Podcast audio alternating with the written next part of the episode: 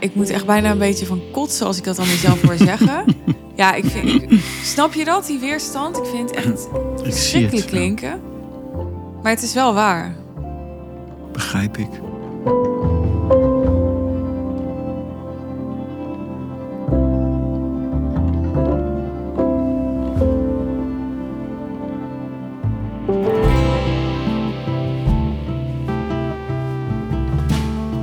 Laatst was er een luisteraar die mij een DM stuurde en zei: Ik hoor dat je zo graag wilt overbrengen op de luisteraar wat de taal kan betekenen voor hem of haar.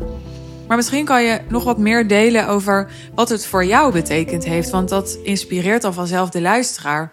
En toen dacht ik: Ja, ja volgens mij hebben we het daar al zo zijdelings af en toe over. Maar misschien kan ik ook nog wel wat dieper op ingaan. Daar kwam bij dat wij gisteren althans als ik deze intro opneem, was dat gisteren, een sessie hadden met de groep die ik en Pranay zijn gestart. Waar je bij kunt overigens, als je daar meer over wilt weten, luister podcast aflevering 402 en 412, want die gaan daarover. Dus als je deze content tof vindt en je wil ook dieper daarin, dan kun je je aansluiten bij onze groep. Dat was even het reclameblok. Ga ik nu weer verder. Er was iemand in de groep en die vroeg van, eh, de vorige sessie vroegen jullie aan ons wat onze motivatie is om ons aan te sluiten bij deze groep. Maar ik ben eigenlijk wel benieuwd ook naar jullie motivatie om deze groep te starten. Dus ik deelde dat, ik deelde dat en toen dacht ik, het is misschien ook interessant om dat eens te delen in de podcast. Wat is eigenlijk mijn motivatie om met Pranay de groep te starten die wij gestart zijn? En eh, ja, deze podcast te maken. Naast dat het natuurlijk gewoon leuk is en zo. En, maar het is wel ook echt een, een pivot geweest voor mijn bedrijf dit jaar. En als je ondernemer bent, dan weet je dat zo'n pivot, ja, dat vraagt best wel moed. En is best wel oncomfortabel. En dus dat doe je alleen als je daar echt een, een gegronde motivatie voor hebt. Nou, als je benieuwd bent naar die motivatie van mij, blijf dan luisteren. Pranay? Hoi. Er was laatst een luisteraar en die zei: Jij bent veel bezig met willen uitleggen in jullie podcast wat de taal voor mensen kan betekenen. Maar kun je niet wat meer delen over wat de taal voor jou betekent en betekend heeft? en ik dacht dat dat toch ook al wel in de afleveringen verweven zat. En tegelijkertijd kan ik me voorstellen dat dat nog niet helemaal is overgekomen. Wat denk jij? Dat weet ik wel zeker als je dat zegt. Ik, zal, ik ben me zo bewust van het feit dat ik nooit in staat zal zijn om ook maar iemand uit te leggen wat de taal voor mij betekent en voor mij doet en heeft gedaan. Ik kan het ook niet vrijlaten. Als ik die intentie vrijlaat, dan, eh, dan komen er tranen over mijn wangen dan raak ik het kwijt en dan ehm, het, is, het is ook voorbij de zinnen. Dus je kunt er ook in de zinnen geen expressie aan geven. Ik kan je wel zeggen, ehm, wat het doet, het is echt alles. Maar dat is voor jou. Het is Maar zij voor mij. natuurlijk naar mij. Oh, sorry. Ik zat, ik zat dan had ik de vraag helemaal verkeerd opgepakt. Ik dacht voor mij. Oké, ja, nee, ik wilde eigenlijk gaan uitleggen wat het voor mij betekent, inderdaad. Maar dat geeft niet, want ja, Ik, ik zat best geboeid te luisteren. Ik, ik ken het verhaal wel, Mhm. dus het is niet nieuw, maar toch. Maar voor mij, Precies. Ja? nou, misschien is het goed om. Ik maak dan even een omweg, maar we hadden gisteravond hadden we een sessie met onze groep. Mhm. Onze groep zonder naam. Op zo'n naam. Ja, bij mij op de back-office heet het gewoon de Pranay groep. Ja, ik zit er natuurlijk ook bij, maar ja, dat is logisch, want het is mijn bedrijf, zeg maar. Dus eh, de werktitel bij mij is gewoon de Pranay groep. Ik moet dan denken aan GZN, groep zonder naam. En toen dacht ik G6, GZZ. Weet je zo. zo een groep van eh, mensen die... eh, nee, Ja, van Lunatics. ja. Nou ja. Toen vroeg iemand uit de groep aan ons, en dus ook aan mij, wat mijn motivatie was om met deze groep te starten. En eh, ja, deze podcast met jou te maken. Ik, ik, ik weet niet hoe specifiek uh, ze het bedoelde eigenlijk. En misschien zal ik even herhalen wat ik daar heb gezegd. Is dat interessant? Ja, vertel. Nou, ik kwam tot drie motivaties. En de eerste motivatie is dat ik ehm, op een punt kwam in mijn bedrijf waarop ik bereikt had waar ik jarenlang naartoe had gewerkt. En voelde dat ja, een nieuw doel stellen en dan dat weer gaan bereiken. En dat het voor mij eigenlijk meer van hetzelfde was. Mhm. En ik voelde dat ik de, ja, de energie die ik jarenlang had gehad om dan zo'n doel te stellen en dan daarvoor te gaan lopen. En die had ik niet meer. Mhm. En ja, dat was best wel heel oncomfortabel. Want dan kom je bij allemaal gedachten als: ben ik mijn ambitie kwijt? Hè? Eh, eh, ben ik uh, ondankbaar geworden? Hè? Voor het geld heb ik geen waardering dan meer voor het geld of, of, of voor het zakelijke? Of hè? Wat is er veranderd dat dat weg is? Mhm. En dat ging gelijk op met dat we natuurlijk al een aantal jaar werkten met elkaar en dat er in onze samenwerking duidelijk werd. Dus ik liet eigenlijk onbewust, ik heb dat in ieder geval niet zo bewust gedaan, maar ik liet onbewust eigenlijk aan jou weten van ja, dat wat wij doen, daar wil ik dieper in. Dus dat ging mhm. eigenlijk parallel aan elkaar. Dus ik had aan de ene kant dat ik dat proces van bedrijf en aan de andere kant werkte ik al een paar jaar met jou en kwamen wij daarin op een punt waarop ik voelde van ja, ja, we kunnen wel gewoon elke twee weken een uurtje coaching doen en een beetje praten over de dingen en zo. Maar ik voelde van er zit veel meer in in, in, hmm. in deze samenwerking. Dus, dus dat ging gelijk op, waardoor ik met jou een intensief traject ben gestart. En ik nu elke dag, elke werkdag, een sessie van twee uur met jou doe. Ja. Dat is één als ik dat koppel aan motivatie, van wat maakt dan motivatie om dit met jou te doen? Nou, dat ik, omdat ik zelf zo'n intensieve leerling nu ben, voelt het voor mij heel natuurlijk om dat dan ook uit te gaan dragen. Zo is het ook gegaan bij het high-end business model. Ik ging het eerst zelf bij mezelf implementeren. Toen dacht mhm. ik, wauw, dit is echt goud. En toen ging ik het andere mensen leren, gewoon vanuit enthousiasme. Dus dat is eigenlijk wat nu ook weer gebeurt. Ik leer het zelf dan word ik erin ondergedompeld, ik word er enthousiast voor en dan wil ik het gaan uitdragen. Hm. Het tweede, de tweede motivatie was dat ik echt veel heb meegemaakt. Ik vind het best wel, ik vind het niet heel makkelijk om dit te vertellen, merk ik. Ik kwam het laatst ook weer tegen. Ik wil het even voorlezen. Ik heb dat ook niet aan jou voorgelezen nog, maar mhm. Ik zoek het even op. Mm. Dat heb je zelf geschreven? Nee. Hm. Gaat zo verder hoor, maar. Ja, ik heb het. En misschien luistert ze wel geen idee, maar dat maakt niet uit. uh, maar er was een oud klant van mij en ze is de zoveelste. Het is een oud klant van mij. Die, met wie ik dus een jaar heb gewerkt. Want ik werkte met al mijn klanten. Met wie ik persoonlijk werkte, werkte ik een jaar of langer. Mhm.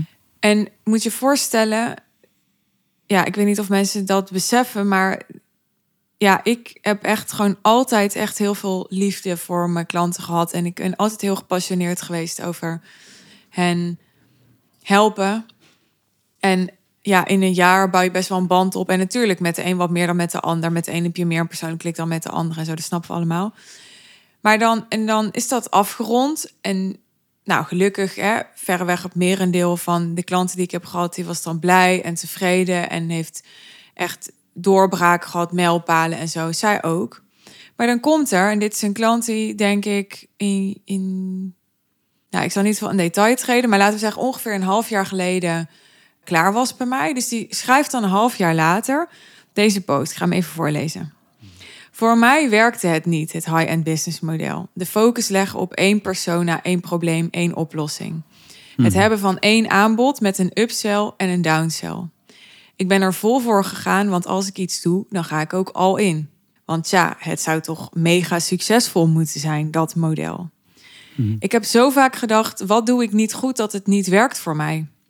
Maar dat het voor mij niet werkt, zegt niks over mij, zegt niks over het model, maar wel over dat model in relatie tot mij. Niet de match made in heaven.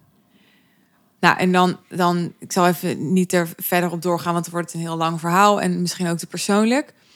Maar ik deel dit omdat dit vaker en vaker en vaker gebeurde in de afgelopen jaren. Dat dit is echt een klant. Ik heb er nog een testimonial van, dus een half jaar geleden en zo. Dus ja, er kan best wat veranderen in een half jaar, maar ook weer geen enorme ja, wereldwonderen. Mm kan, kan wel, maar goed, je snapt wat ik bedoel. Ja. Dus die, die gaat dan eigenlijk heel blij weg. Maar dan wel nu zo'n post. Ik ga niet in op de inhoud van die post, want het doet er niet toe, weet je wel. Of, of, dat, of dat ik nou, ja, wat ik daar nou van vind. Het gaat Mhm. erom, dit is haar beleving, dit is wat zij deelt. Ja. En, en dit is veel gebeurd dat mensen, ehm, dat ik zag later, dat ze toch op een, op een bepaald punt teleurgesteld waren of gedesillusioneerd. Of ja, is dit het nou? Of ik had er eigenlijk toch meer van verwacht. Of, en ik zag ook dat het dus eigenlijk los stond van dat het niet per se was omdat ze niet succesvol werden. Of, en, en dat fascineerde me, dat ik dacht, hè? Maar je, je bent eigenlijk blij en je bereikt het. En dan toch zo'n post. Toch is dit wat je dan daarover uitdraagt. Dit is toch je, je gevoel. Nou, bij in dit geval het high-end business model. Ja. En terug naar mijn motivatie. Door mijn werken met jou zag ik. Maar ze hebben ook gelijk op een bepaalde manier. Ze hebben ook gelijk, want ik, ik ben een business coach. En ik ben ook niet iemand die. ehm, ja. In de, voor die diepe vervulling kan zorgen. Net zoals een, een, een liefdespartner of een. Misschien zou je eerst die, ehm, die, in, die zin moeten, eh, wat zij zegt. Want je begint nu je te verontschuldigen of het uit te leggen voordat eh, we de zin hebben gehoord. Zij, zij, zij, zij, zij zegt iets. Je begon met een zin voorlezen van wat zij zei net. Ja. En toen stopt je. en toen ging je hem becommentariseeren. eh, na- terwijl, je, terwijl wij de zin niet kennen. Ik snap niet wat je bedoelt. Dat zie ik. Dus, dus je was net aan het uitleggen. En, en toen wilde je zeggen van... En daarna kwam zij met een post. En toen begon je met een woord van een zin... wat zij dan had geschreven of gezegd. Nee, die post heb ik net voorgelezen. Ja, en, en daarnet, eh, toen was je in mijn was je bezig begonnen aanvang, aan te vangen met een zin. Ja. En toen stopte je. Ik weet niet op welke zin Nee. je bedoelt. Nou ja. Maar wat ik wel weet is, ik weet niet Mhm. of dit helpt, maar dat zij, ze schrijft verder nog, het high-end business model liet mij niet mij zijn. Er was maar een heel klein stukje zichtbaar van mij. En Liet mij niet mij zijn. ja, dat is wat zij schrijft. En, en nou, nogmaals, ik, ik wil er niet op ingaan eigenlijk wat ik daarvan vind, want ik vind dat oprecht niet zo relevant. Want ja, ze heeft een jaar met mij gewerkt. Dit is haar ervaring. Ik kan daar van alles van zeggen. Maar als dit is wat zij na een jaar zegt, dan, dan is dit het voor haar. Hè? Dat kan voor iemand anders anders zijn. Laat ik het dan zo zeggen. Ik heb dus eigenlijk niet iets gehoord in een post daarna. wat dan negatief is. Dus dat is hetzelfde als not match made in heaven. Is gelijk aan laat, liet mij niet mij zijn. Ja, maar, maar ik weet ook niet of je het negatief moet bestempelen. Maar ze Mhm. geeft in ieder geval aan van... ehm, het was niet voor mij. Dus ik, ik Ja. interpreteer dat als... ehm, hè, je gaat bijvoorbeeld een tijdje daten met iemand... Mhm. En dan heb je misschien een tijdje een relatie en dan gaat het uit en dan zeg je ja, wij waren niet de beste match.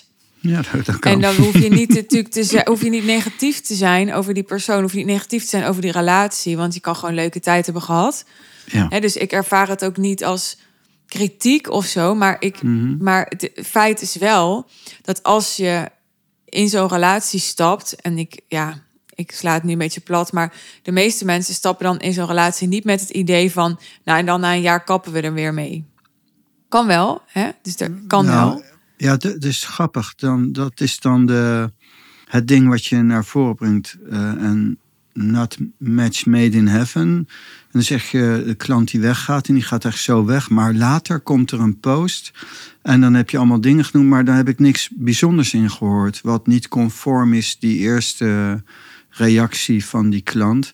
Liet mij niet mij zijn, het was niet voor mij. Dat, dat, is, dat is gekoppeld aan dat match made in heaven. En dat is dan ook naar, in feite, ja, dan ga je inderdaad de relatie aan, bijvoorbeeld. En dan is dat het niet na een jaar, daar ga je inderdaad natuurlijk niet voor een relatie aan. Er zit een potentie. En dan ga je kijken, kan, komt die potentie eruit? Hmm. En dan gebeurt dat niet. Dat, dat kan.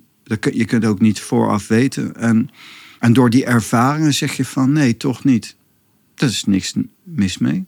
Nee, er is ook niks mis mee. Hmm. Alleen ehm, mensen die ik in eerste instantie in een sales call heb Mhm. Ja, daar, ik weet vrij zeker dat als die dan klant bij mij worden, die worden niet klant bij mij met de intentie om dan na twee jaar te concluderen.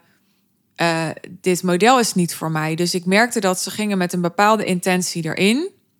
En ze kwamen met een, een andere conclusie dan die intentie was eruit. Dat is niet slecht, dat is niet mhm. verkeerd. Maar het, wat het wel met mij deed, was.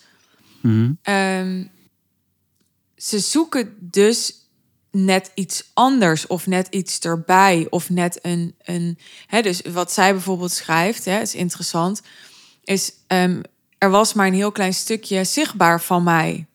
Hè, dus het kan heel goed zijn dat, dat het helemaal niet is dat zij niet succesvol en blij en gelukkig kan zijn met het high-end business model. Zij was waarschijnlijk er niet gelukkig mee dat er maar een klein stukje zichtbaar van haar was. Maar hè, wie zegt er dat dat het high-end business model alleen maar uh, een klein stukje zichtbaar van jou kan laten zien. Nou, misschien zegt zij, ja, dat zeg jij, want ik heb een jaar met jou gewerkt. weet ik niet, hè, wat zij zegt. Mhm. Maar het gaat erom, ik was bij de motivatie, waarom ben ik dit gestart? Omdat ik voelde van, mensen hebben een, een stukje nodig of zijn op zoek naar een stukje wat ja, in, in toch een, een percentage van de gevallen van mensen die klant bij mij worden, ontbreekt. En om simpel te illustreren wat ik dan bedoel, gaf ik als voorbeeld gisteravond in de groep. Mhm. Ik kan je heel goed helpen om de berg te beklimmen van je business. Maar mhm. als jij dan op de top van die berg staat en je hebt het gevoel, fuck, maar ik had eigenlijk die berg willen beklimmen, dit was de verkeerde berg. Mhm. Ja, dan zeg ik heel eerlijk van, maar ik ben niet per se de persoon die op voorhand helemaal met jou gaat uitpluizen. Wie ben je? Wat wil je zijn? Wat, hoe is je dus ik werk het beste met mensen die dat al heel goed weten. Die dat gewoon heel goed weten. En dan gaan we, ga ik je helpen die berg te beklimmen. Alleen de realiteit is dat mhm. heel veel mensen, ook heel veel mensen die denken dat ze het weten, gewoon helemaal dat niet echt weten. Mm-hmm. En gaandeweg soms um, ook daarin transformeren tijdens het proces. Dus soms weten ze het wel op voorhand, maar door het proces gaan ze transformeren en dan verandert dat. En dan hebben ze eigenlijk bij dat stuk begeleiding nodig. En dat is waar jij heel goed in bent. In dat zelfinzicht en in dat. Um, ja, die beperkte banden bij mensen naar boven halen en doorbreken. En, en dat is gewoon het stuk wat niet mijn eerste expertise is nog. Dat kan het misschien wel worden. Hè? Dus ik ben nu dingen daarover aan het leren, heel veel daarover aan het leren. Mm dus dat is de tweede motivatie. Dat ik zag wat jij doet. Dat is gewoon heel aanvullend aan wat ik doe. En dat dat kan klanten van mij gewoon heel veel brengen. Ja. En de derde motivatie is dat ik vertelde aan die groep van ja, op een bepaalde manier. Ik was gewoon in twee jaar tijd heel veel, heel hard gegroeid. En daar heb ik natuurlijk echt wel wat voor gedaan. Het ging niet vanzelf, dat zou ik zeker niet zo willen zeggen. Maar op een bepaalde manier was het ook makkelijk. En doordat het makkelijk was, verloor ik er ook een beetje mijn respect voor. En verloor ik ook een beetje mijn respect voor ja, andere business coaches, voor wie het dan dus ook makkelijk was. En, en dus ik kreeg een soort, ja, waar ik altijd heel erg enthousiast was van de wereld waar ik in zat. Met allemaal hele ambitieuze mensen die allemaal dingen deden waarvan het gros van de mensen denkt hoe is dat mogelijk? Hè? Ik heb dat wel eens aangehaald, ook in deze podcast, van je bent 20 jaar, hoe kan je in een jaar tijd 100.000 euro omzet per maand verdienen? Mensen denken dat kan niet. Nou, dat kan dus wel. Mensen laten dat zien, dat vind ik gewoon fantastisch. Mhm.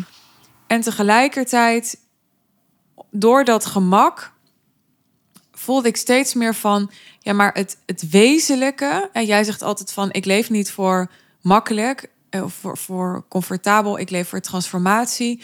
En in de kern ben ik ook zo iemand. Want als ik, voor mak als ik echt voor makkelijk leefde, ja, dan had ik wel heel andere keuzes gemaakt.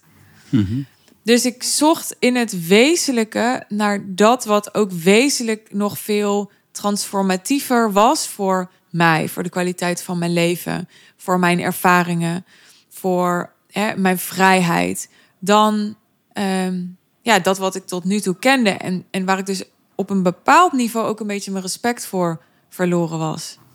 Hmm. Ja, je, je, je hebt het over respect verloren. Eh, maar ik denk gewoon, je zocht gewoon dieper. Je zocht gewoon naar meer diepgang. Ja, is mooi hè. Ik zit echt hier een kwartier te praten. En jij doet het gewoon even in vijf woorden samenvatten, ja. nou, ik kwam hier natuurlijk op doordat iemand vroeg... eh, wat heeft het nou voor jou betekend? En ja, ik, ik heb een ander antwoord dan jij. Ik ga niet zeggen, nou, ik leef nu 24-7 helemaal stoned in extase en zo. Want ik ben daar nog niet. Dus ja, daar ben ik gewoon eerlijk over. Maar voor mij is ook de hele wereld veranderd. nu al. Nadat wij dus...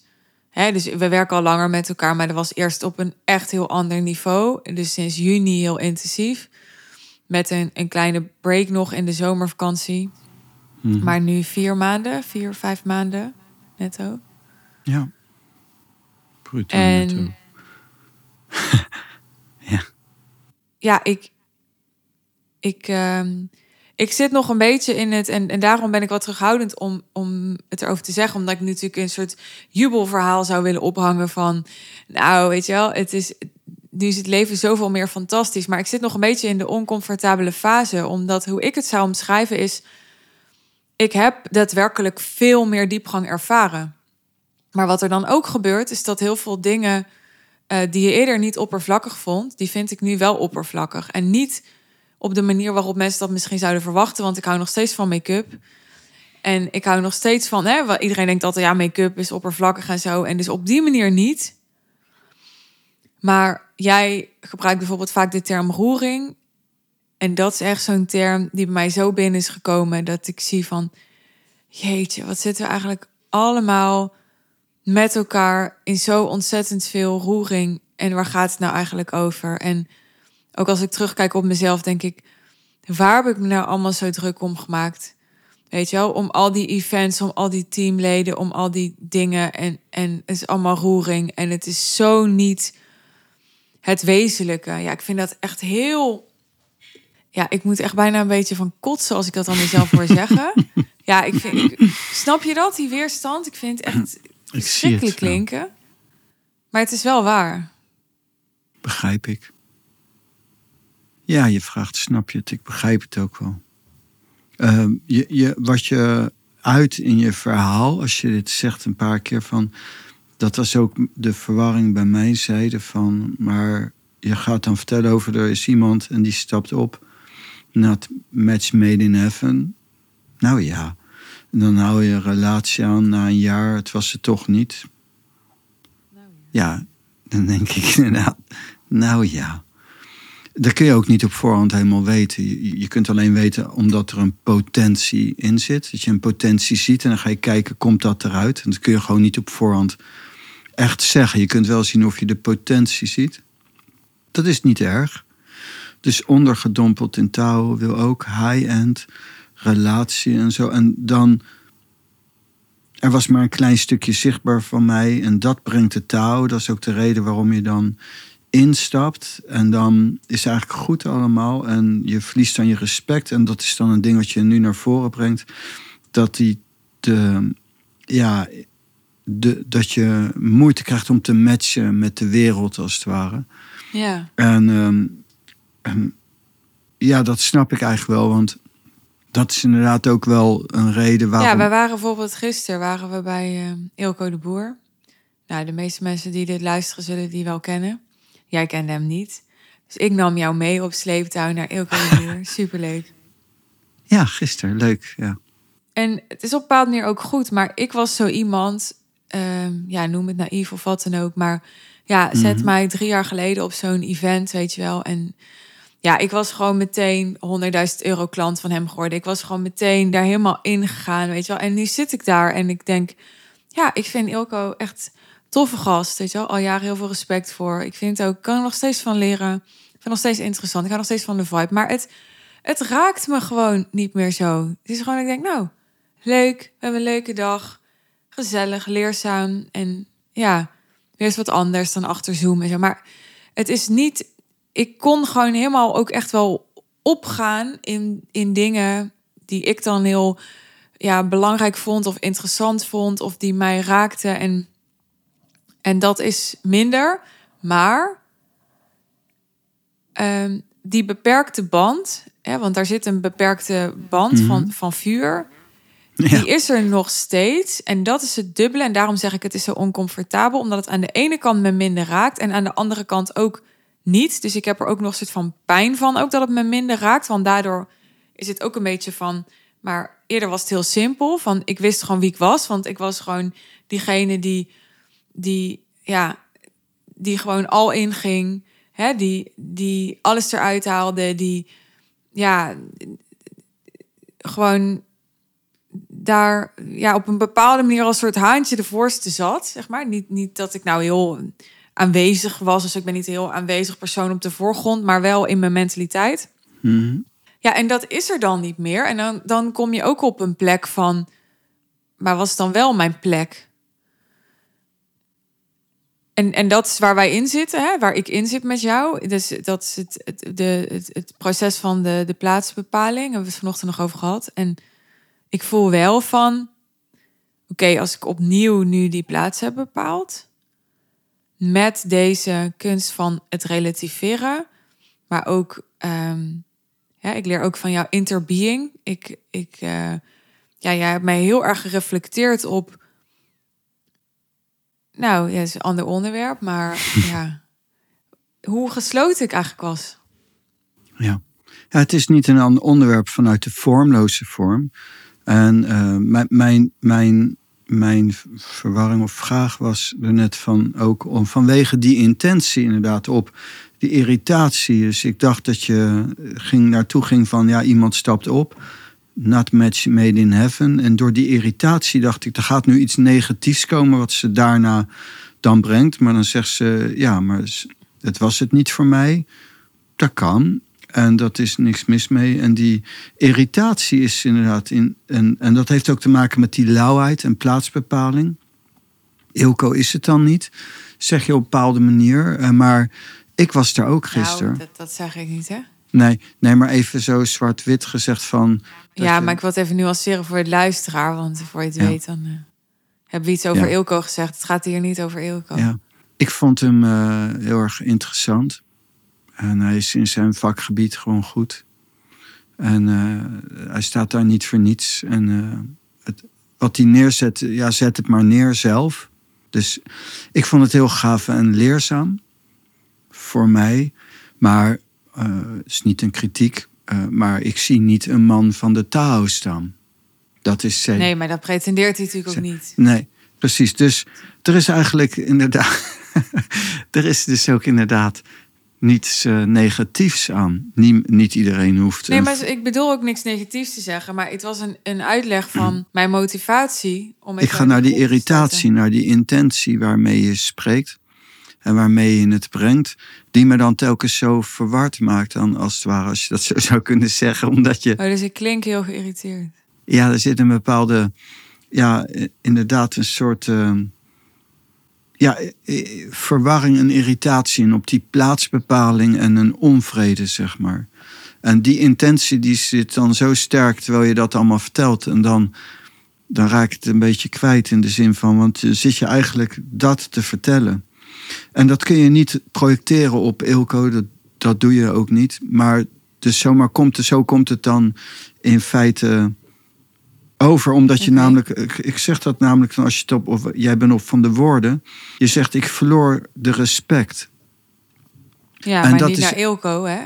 Of, of, of naar mijn klanten. Maar ik verloor meer het respect naar, naar wat ik zelf aan het doen was. Oké, ja, dat is goed dat je dat dan zegt. Want daarin, daarin, door jouw intentie, heb ik die dan misschien verkeerd geïnterpreteerd. En dan zeg je van, dan zeg ik van ja, maar je zocht gewoon naar diepgang.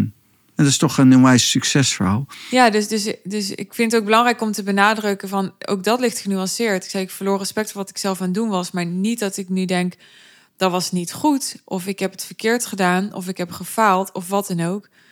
Maar wel dat ik begon te zien door onze samenwerking dat er veel meer diepgang mogelijk is en dat er dus ook veel meer transformatie mogelijk is voor mensen. en toen zag ik opeens Mhm. van ja, maar ja, dan, dan, dan heb ik het maar over de helft van de berg. Hè, maar onder de, de, de waterspiegel ligt nog een andere helft van de berg. En, en ja, nu ik weet dat, dat die er ook is, ja, wil ik dat daar ook aandacht voor is. Hè, als ik met mensen werk of als ik mijn content maak. Wat gaaf. Dat is heel mooi.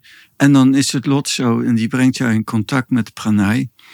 En die brengt dan ook die extra taal en die extra dimensie ook erbij. Ja, dat was natuurlijk al eerder. Hè? Dus dat, maar dat bedoel ik, dat Ja. ging een beetje zo parallel aan elkaar. Ja. Ja, dat is heel mooi.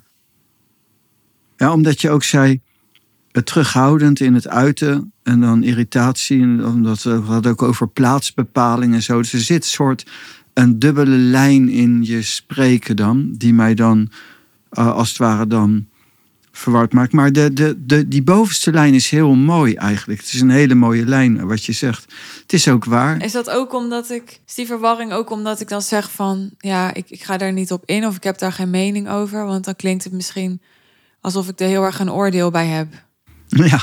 Ja, Ja, precies. maar ja, dat, zo bedoel ik dat dus eigenlijk niet. Ik bedoel dat ik daar natuurlijk vanuit mijn ervaring en mijn expertise heel veel over kan zeggen, hoe ik dat zie. Maar dan ga ik Mhm. helemaal daarop in. En, en ja, dat vind ik gewoon niet zo handig, want dan wijden we helemaal uit. Dat is eigenlijk het enige wat ik wilde zeggen. Oké. Dan, toen je zei van, snap je dat? Ja, dat snap ik wel. Je loopt aan tegen de lauwheid van de wereld. Dat is die tweede lijn eigenlijk. Eh, die daar dan onderhuids zit, zeg maar. Nou ja, onderhuids, is vrij zichtbaar, maar zeg maar. En, en die lauwheid van de wereld, hoe kom je in het reinen met de lauwheid van de wereld? De mensen zijn gewoon lauw. Dan moest ik ook denken aan nog een, een, een, app wat je doorstuurde van iemand ook een reactie van, ja, maar als je een sp- spiritueel leraar bent, zeg maar, en je ziet jezelf als meer, dan, ehm, dan, dan werkt dat niet. En Ja, moet je even iets meer woorden aangeven, want anders dan denken mensen, waar gaat dit over? ja, het is een mailtje, die ehm, is iemand die reageert wanneer je de neiging hebt om die aansluiting niet te maken met, met, eh, met de mensen, dus de mensen vanuit de wereld, dan zou je dat zo kunnen noemen misschien. Eh, omdat je verder, tussen aanhalingstekens, bent in het spirituele. En of je dan dat ook dienend, dat, of dat ook dienend kan zijn als je alleen de, de mensen bereikt die je kunnen horen, zonder dat je echt de aansluiting hoeft te zoeken. Het is een heel mooi iets, een heel, heel gaaf iets van de lauwheid van de wereld. Ach, en dan zal ik anders eh, zeggen wat ik eh, naar jou terugstuurde. Mijn ervaring is wel dat je bij de taal moet blijven. Er zijn altijd grenzen aan aansluiten. Anders zitten we alleen maar in roering. De ander moet uit de roering komen. Iemand kan nu eenmaal verder zijn en diegene heeft ook het meest te zeggen. Wel zijn we gelijk wat betreft waarde. Maar het is gewoon zo dat de taal moet dan ook wel prominent aanwezig zijn. En je kunt niet te veel afdalen, want dan is er geen taal meer. Dan zit je alleen nog maar in roering. En dat is de plaatsbepaling, het percentage. De lauwheid van de wereld is waar. En ze mogen er allemaal zijn en niemand is verplicht zich te verdiepen in de taal. En, eh, maar ik ben ook niet verplicht om me niet te verdiepen in de taal. En het heeft ook een, inderdaad een, een bepaald percentage van in hoeverre zoek je contact en aansluiting. Ik ben daar erg beperkt in. Vorm, maar dat is niet met een boosheid of een geïrriteerdheid of iets. Of een vinden dat ik dan meer waard ben of wat dan ook. Maar het heeft meer te maken met ik zoek een bepaalde stilte in mijn leven. Een bepaalde rust.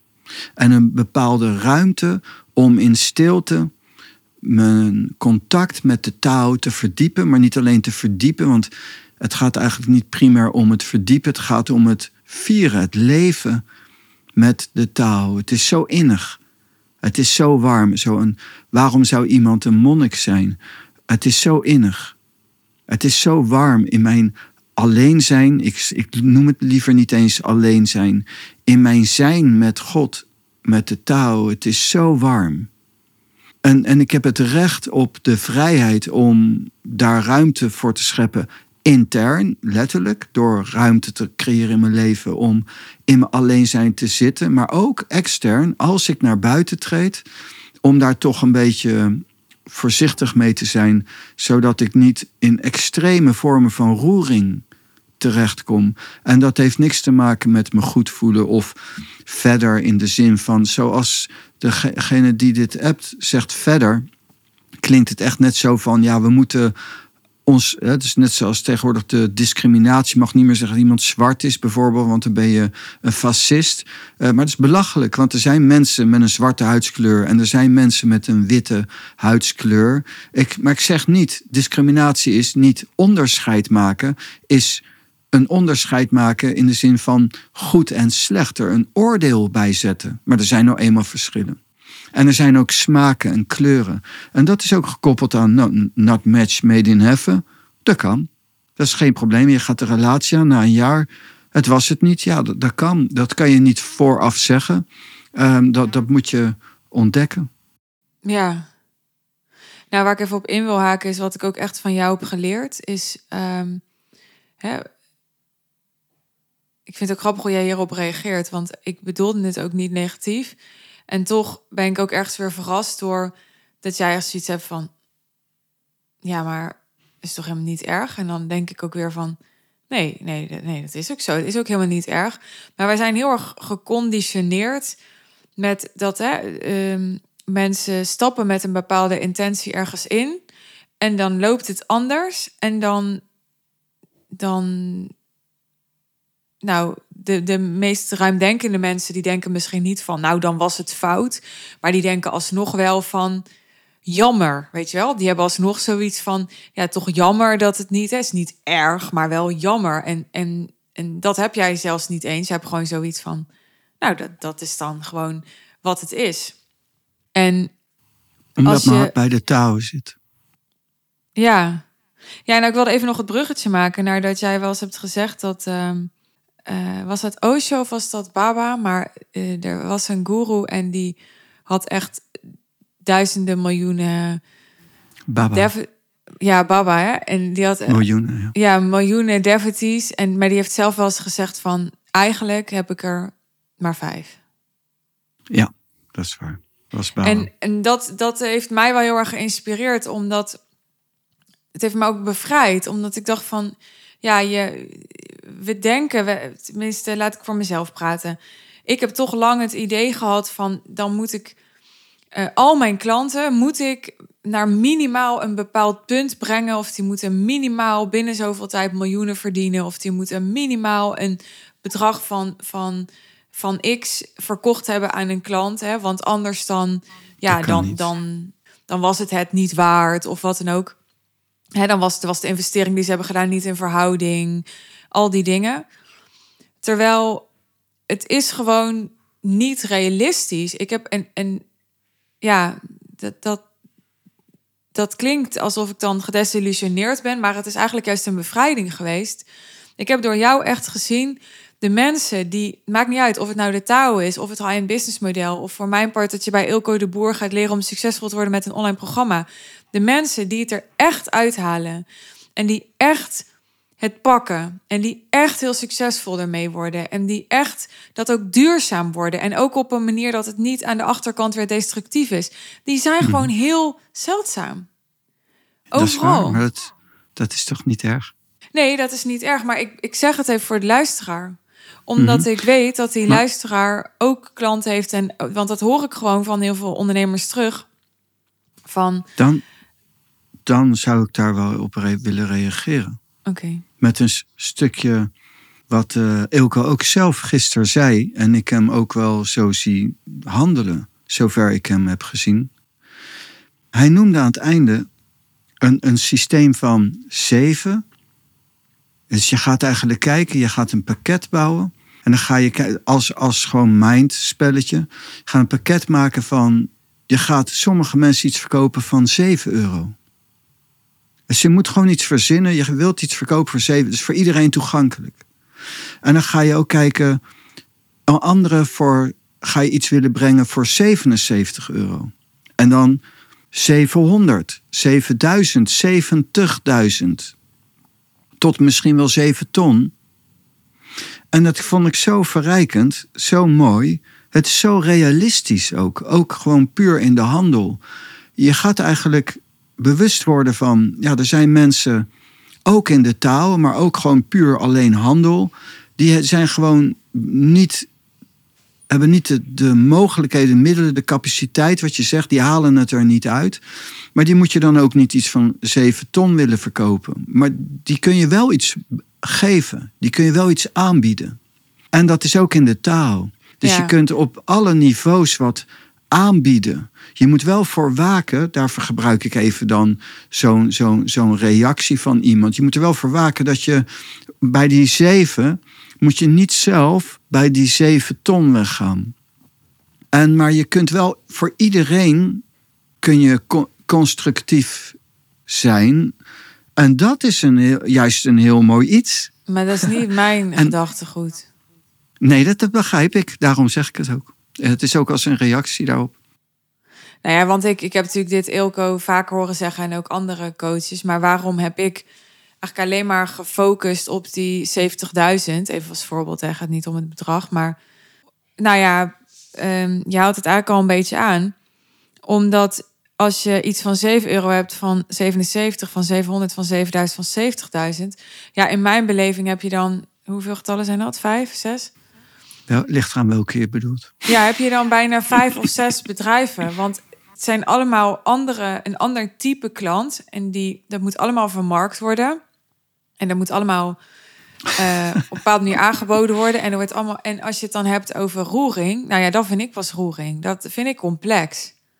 Ja, Dus- je hoeft dat ook niet letterlijk te doen. Het was een, een, een stuk dat je je bewust kan worden dat er dus verschillende niveaus zijn. Ja, dat snap ik. ik. Ik snap heel goed wat je zegt. Maar ik wilde even erop doorgaan Mhm. dat ik heb dus eigenlijk al die anderen allemaal weggelaten en gefocust op die, nou eerst 7000 en later zat het meer in de buurt van 70.000. De Real Deal, mijn business traject, kost geen 70.000, maar wel op een gegeven moment 50 of zo, 40, 50. Mhm. Dus in de buurt.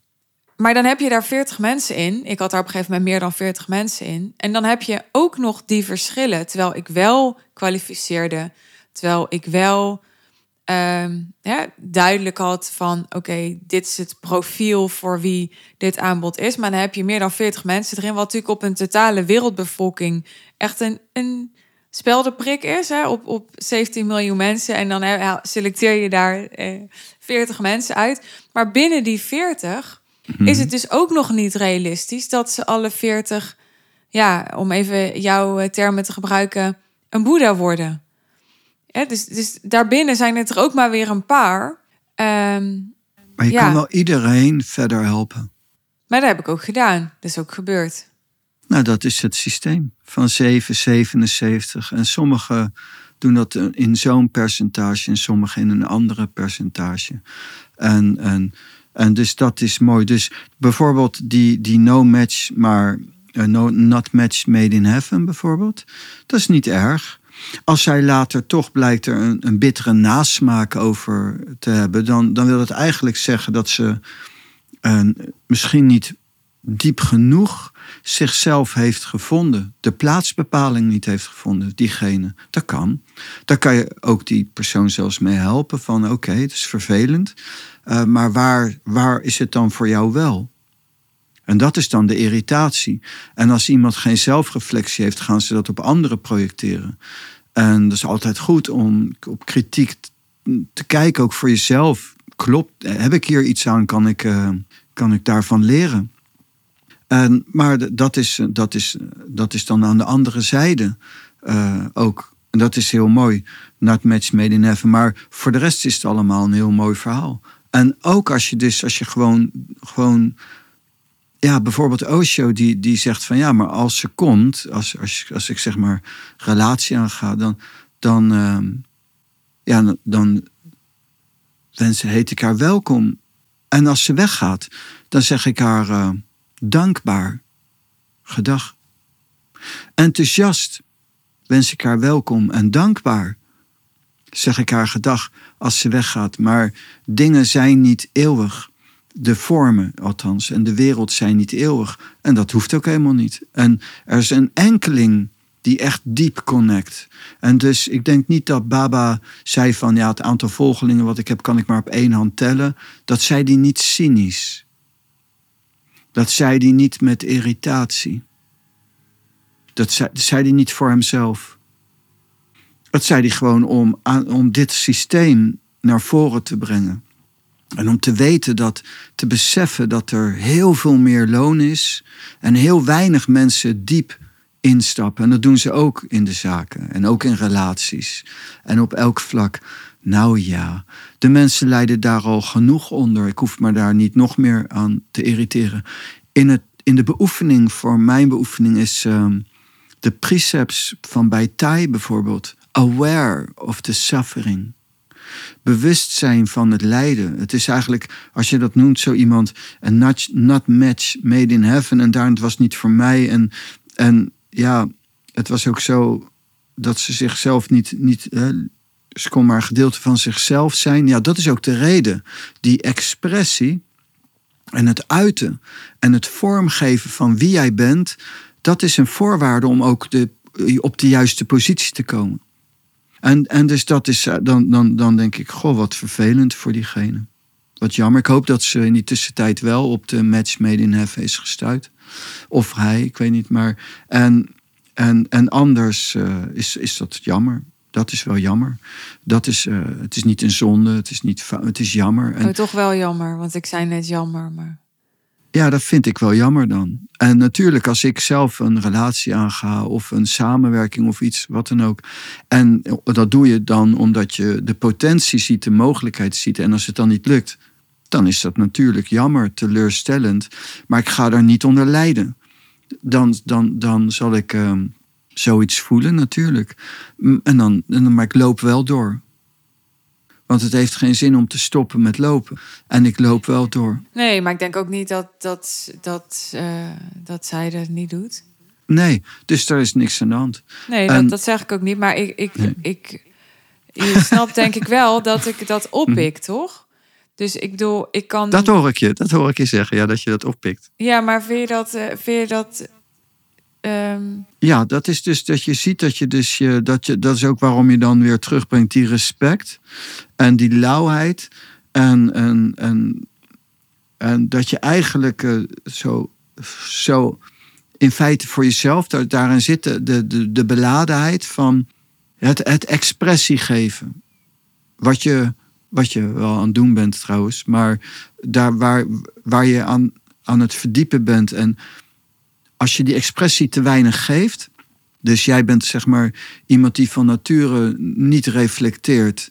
Uh, dat, dus je zegt iets tegen jou. aanhaalde over dat ja. open zijn. Ja, en, en daar zit jouw pijnpunt. En dat hoor ik de hele tijd er heel sterk in, zo achter alles wat je zegt. En dat okay. maakt me dan ook verward. Dat je de, maar heb je het dan over diegene? Heb je het dan daarna over Ilko? Heb je, en daar verhaal ik dat. Want zo klinkt het dan voor mij, zeg maar, omdat die intentie erin zit. En die, en dat, dat komt omdat je zelf in, in gebreken blijft op een bepaald niveau. Dan hebben we het over een bepaald ja. segment, ja. een, patroon. En, en daarin heb je ook uh, dan ook uh, de, de hinder van in je leven. En dat zit ook weer spiegeld in deze ja. voorbeeld. Zal ik, is, dit is een, een, ja, dit vind ik ook wel weer een soort van spannend dan om aan te halen. Maar we hadden het hier vanochtend, ik ga het gewoon doen. Scheid. Nee, ik zei vanochtend tegen jou, ik zei, ik luisterde de aflevering van ehm, afgelopen maandag. Ik weet ook niet wanneer de luisteraar dit luistert, maar het was aflevering 415 over wat is wezenlijke spiritualiteit. Die luisterde ik en op een bepaald punt in die aflevering zei jij, ja, ik vind jou wel knap. Dat heb je geloof ik al vier afleveringen gezegd of zo. Maar om verschillende redenen. Ja, ik ben even aan het denken of dat je het zo zei. Dus vandaar dat ik even. Nou ja, ik zit erbij. Kant. Oké. Je zei om meerdere redenen zou ik niet met je in bed willen liggen. En ik luisterde daarnaar. En toen dacht ik van, ja, los, ik wil. Ja, dus ik snap dat wij hebben natuurlijk allerlei verhoudingen en dingen. En uh, dus dat, dat snap ik. Maar even daarbuiten gelaten. zei ik tegen jou, ik zei... Ja, ik denk dat, dat dit is wat heel veel mensen zouden kunnen zeggen over mij. En dat, dat klinkt dan een beetje als een, uh, ja, als een heel persoonlijk voorbeeld. Het gaat ook niet zozeer over het in bed liggen. Dat is maar een, een metafoor wat mij betreft. Maar ik denk dat heel veel mensen bij mij een gevoel hebben. En daar zit een geslotenheid van... Ja, eh, ze heeft wel iets. Hè? Dus of het nou is van knap of succesvol of dit of dat. Mhm. Maar, en dan komt er een maar achteraan. En dat zeg ik niet uit een soort van onzekerheid over mezelf, maar dat zeg ik om dit even bloot te leggen, omdat het misschien interessant is voor de luisteraar van, hé, hey, dat herken ik en dat heb ik misschien ook, of mijn partner of dit. Of, en hoe wij dat dan vanuit de touw uitpluizen met elkaar. Dat, dat kan mogelijk wel inspirerend zijn om uh, te horen. Dat is waar. Is een, heel iets. En, en een van die redenen is uh, dan uh, bijvoorbeeld. Ik gebruik het maar om inderdaad voor je bewustwording uh, van. Een van die redenen is die. Ehm, nou ja, zoals je vriend zei, belastingblauwe knuffel. En, en de niet-reflectie. Dus dan, dan dan mis je in, in een, op een bepaald segment een interactie, een chemie die vrij kan komen en waardoor het ook in de nuances tot een uh, mooi iets kan zijn. En als dat, zeg maar, als daar de reflectie mist, dan krijg je allemaal helle wezentjes. Dus dan krijg je allemaal uh, irritaties en, en allerlei uh, mis, misverstanden en zo. Dan wordt het heel complex, wordt een relateren heel complex en wordt snel dan vuur, met fire van ehm, ja, ruzies en allerlei dingen. En dat is uh, voor mij als, als beoefenaar die op stilte gericht is, uh, uh, niet, niet prettig. En eigenlijk denk ik voor jou ook niet en voor jouw vriend ook niet. Als jullie, stel dat jullie dat zouden hebben, dan, dat, dat, dan is dat niet fijn. Ik durf te zweren dat als, als hij noemt een belastingblauwe knuffel, dat dat gewoon niet prettig is. Dat is niet zoiets van, dat is een van de pluspunten. Maar je moet het niet te persoonlijk nemen. Het is een, het is een, een, een aspect, een, een, een, een, een band. En de beperking op die band, wat ik dan aanhaal, omdat jouw eh, storing zit op vuurelement. Um, en jij inderdaad niet reflecteert op het vuurelement of weinig. En dus um, dan moet ik iets doen. Als genezer, als coach, zeg maar. Ik moet iets doen. En ik ga dat dan door deze dingen, door te herhalen dat ik je knap vind of zo, ga ik dat doen. En ik moet wel eerlijk zeggen dat ik. Ja, want ik kan me voorstellen dat mensen denken. Ja, waarom zegt hij dat nou steeds? Weet je wel? Zo van, is Vanuit dat nou de nodig? Ja. Nee, ja nee is niet nodig. Maar dat is de plaatsbepaalde vormkeus van het, het proces naar genezen het proces om juist daar wel doorheen te komen. En uh, wat je aanhaalt ook bij die klant, misschien is het wel een irritatie dat je denkt, ja, maar ze had zoveel, of diegene had zoveel, heeft zoveel potentie, er had juist zoveel wel gekund, het is jammer. En dat is het ook, dat, dat is het dan ook als dat zo is. En dus daarom haal ik die dingen aan. Ik, ik geef het dus vorm, omdat jij het niet vorm geeft. En dan geef ik het vorm in de vorm van het vuurelement waar jij in stort, waar ik dus aan het werk ben met jou eigenlijk. En omdat jij niet deelt, ja, dan moet ik iets doen waar je op reageert. En dan ga ik deze dingen gebruiken. Maar zodra je door dit patroon bent, ik bedoel niet verkeerd, zou wijze spreken nooit meer zeggen dat ik je mooi vind. Maar ik moet wel zeggen dat ik, ik ben niet aan het liegen. Ik gebruik ook gewoon de dingen die er zijn. Ik vind je wel mooi. Dat het niet, niet om dat telkens dat er jou te moeten zeggen. Ga je nog een keer zeggen. Precies. Maar om wel aan te duiden dat het wel eerlijk is ook tegelijkertijd. En oprecht. Ja, maar, maar je zou het niet zeggen als het niet een functie had. Dat is wat je wilt zeggen. Nee, tuurlijk. Nee, nee, tuurlijk niet. Nee, Tuurlijk is- niet. Ja, dan, dan zou ik het je een keer zeggen van, van iedereen mag weten wat ik van jou vind of zo. Ik heb daar geen geheimen over. En dus wel, dus niks aan, maar dus niet die beladenheid op dat ik dat maar moet herhalen, herhalen, Nee, herhalen nee. of zo. Dat, dat is helemaal niet zo'n issue. Maar ik kan me voorstellen dat de luisteraar denkt: ja, maar dit is een, een podcast voor de luisteraar. En dit is toch niet dat jij mij tijdens deze podcast aan het genezen bent? Ja, ik kan niet anders. Ik ben met jou een commitment aangegaan. En ik zal alles gebruiken om jou ehm, eh, verder te brengen. En ik, ik gooi dat door verschillende vormen. En ik maak gebruik van de vorm. Maar, en dus ik, ik, ik gedraag me anders dan als we samen zijn dan in een podcast, zeg maar. En ben ik persoonlijker natuurlijk. Gewoon directer op jouw patronen en, en alles. Eh, misschien daardoor wat confronterender. Ik weet, denk dat het wel meevalt. Maar ik zal wel dan minder om de, de brei heen draaien. En, en dat, dat pas ik me in aan. Maar de- het is voor mij niet mogelijk. Ik, we leven 24 uur op de taal. En ik zal niet één moment, niet alles wat ik zeg, is vanuit de eerste afzet vanuit de taal, de ene. Ja, en Er dat is niet voor mensen lastig te begrijpen. Dat is wat ik steeds probeer duidelijk te maken met... je moet wat jij zegt niet zo letterlijk nemen. Maar het ligt heel genuanceerd. Want het is ook weer niet zo dat je het niet letterlijk moet nemen. Maar je Nee, moet het is- allemaal in perspectief zien. Ja, juist perspectief. Ja. Ja. Maar dat is lastig voor mensen, heb ik gemerkt. Heel moeilijk, omdat mensen niet eh, primair zitten met hun hart bij God. Die zitten niet primair bij de taal en kunnen zich niet voorstellen dat voorbij seks, voorbij liefde, voorbij leven, voorbij dood, voorbij alles, mijn hart zit bij de ene, bij de taal die daar ver aan voorbij gaat. Ook voorbij Peti, Ja. mijn persoon. Nou, even om het rond te maken, want het, eh, het thema van deze aflevering is: wat is mijn persoonlijke motivatie om de touw te brengen? ja, Waarom lach je? je intentie. Ja, dat ga ik niet uitleggen. Maar nu, sorry, ik schiet gewoon in de dag. Nou, doe een tipje van de sluier. Ehm, een soort, eh, als je het hebt dan over sluier, een soort. Je was even weg bij, in je bewustzijn, dus je was in een soort versluiering, een soort, voor mij een soort subtiele vorm van stoned of dronken zijn.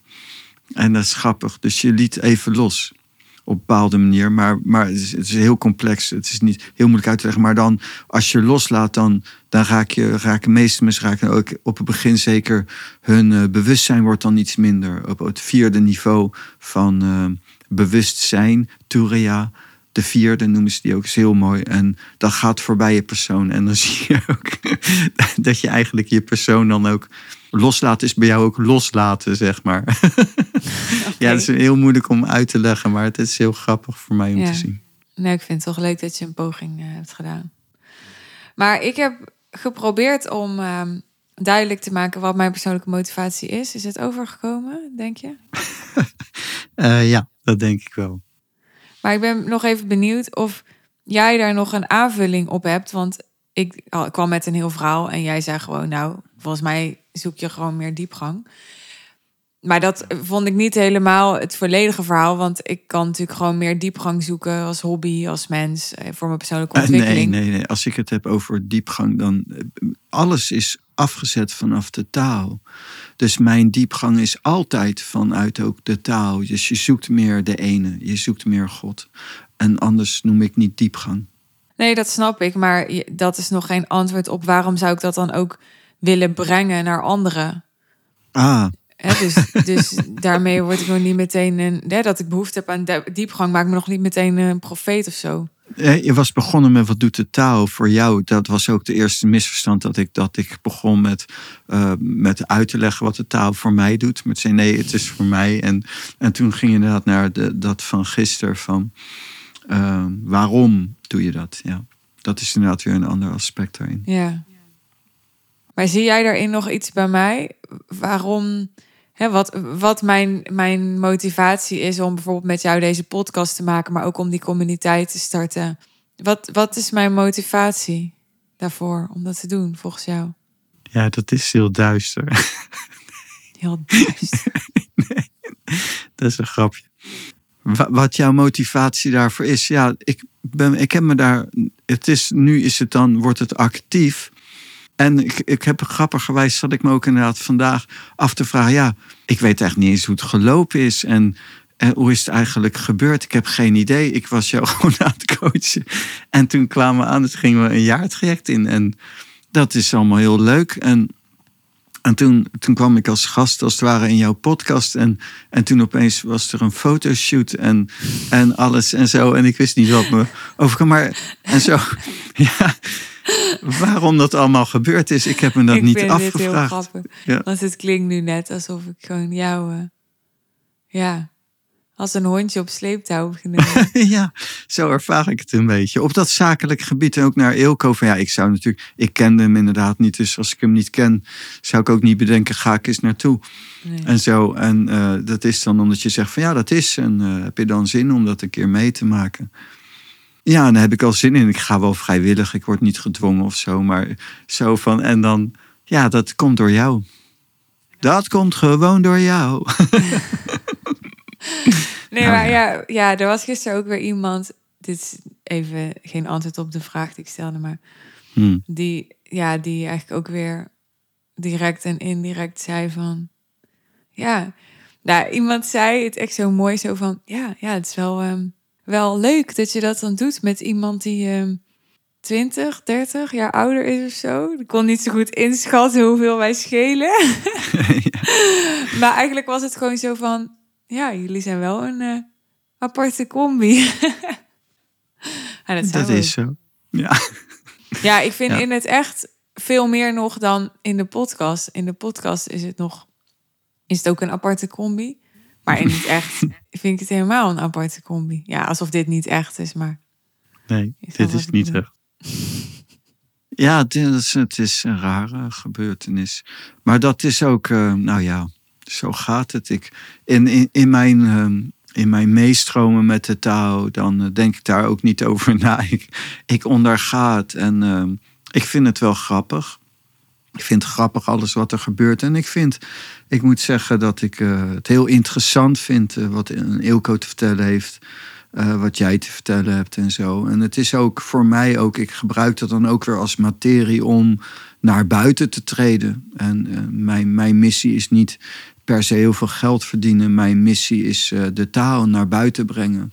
En daarom ga je dan ook naar Ilko. Want ik kan me voorstellen dat mensen denken... ja, je kan ook gewoon de hele dag gaan zitten mediteren... en heb je al die roering niet en dan hoef je niet... eh, Nee, maar ik heb gekozen om naar buiten te treden. Daarom Ja. de podcast en, en daarom ook Ilko. En kijk, eh, ik heb geen waardeoordeel op een Ilko. Hij is wel goed in zijn vak.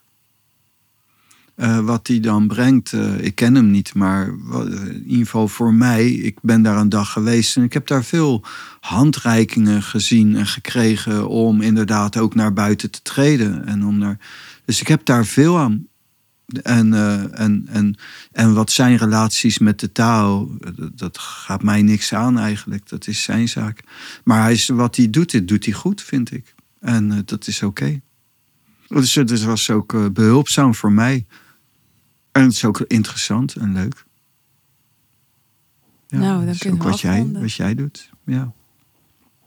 Ja, Dankjewel. jij ook, denk je. Dit was podcast aflevering 417.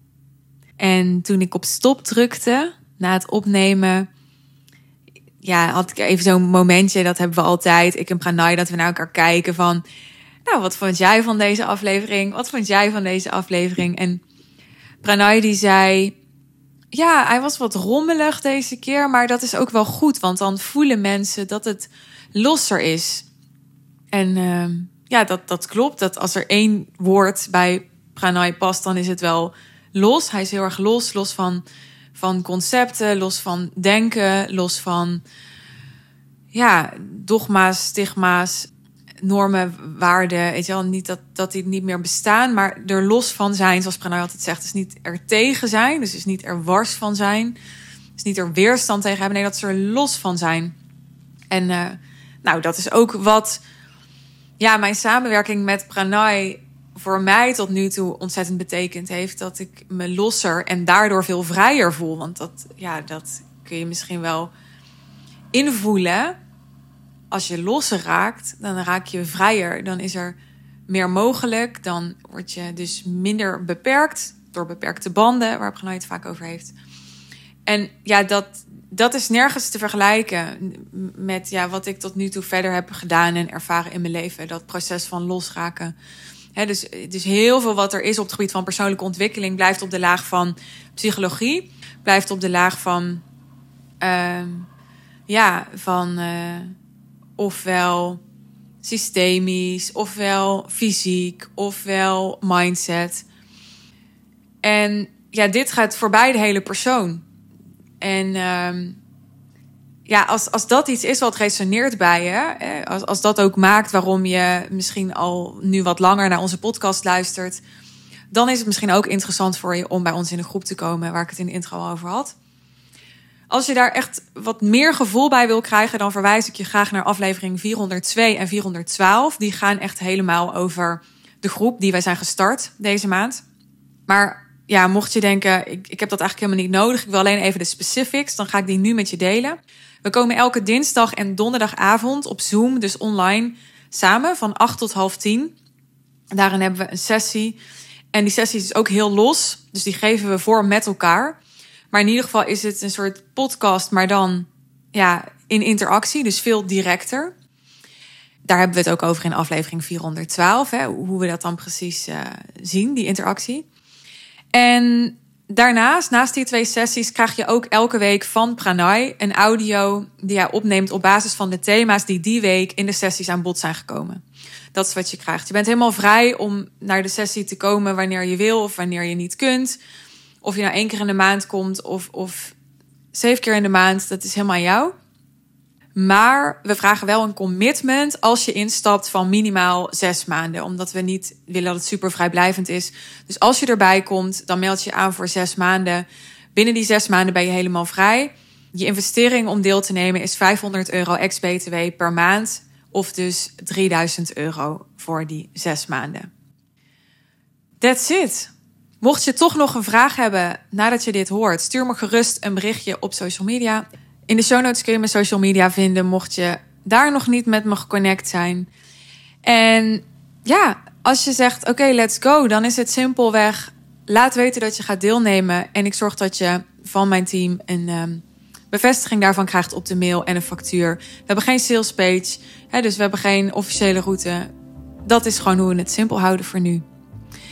Dankjewel voor het luisteren naar deze weer lange aflevering. Ik hoop dat je er blij van werd. Of, of dat het iets met je heeft gedaan. Of dat je ja, uh, in ieder geval het gevoel hebt dat deze aflevering heeft bijgedragen aan jouw dag vandaag. Wil je er iets over terugkoppelen? Dat mag natuurlijk. Nogmaals, in de show notes je hoe je ons kunt bereiken. Graag tot de volgende keer. Bye bye.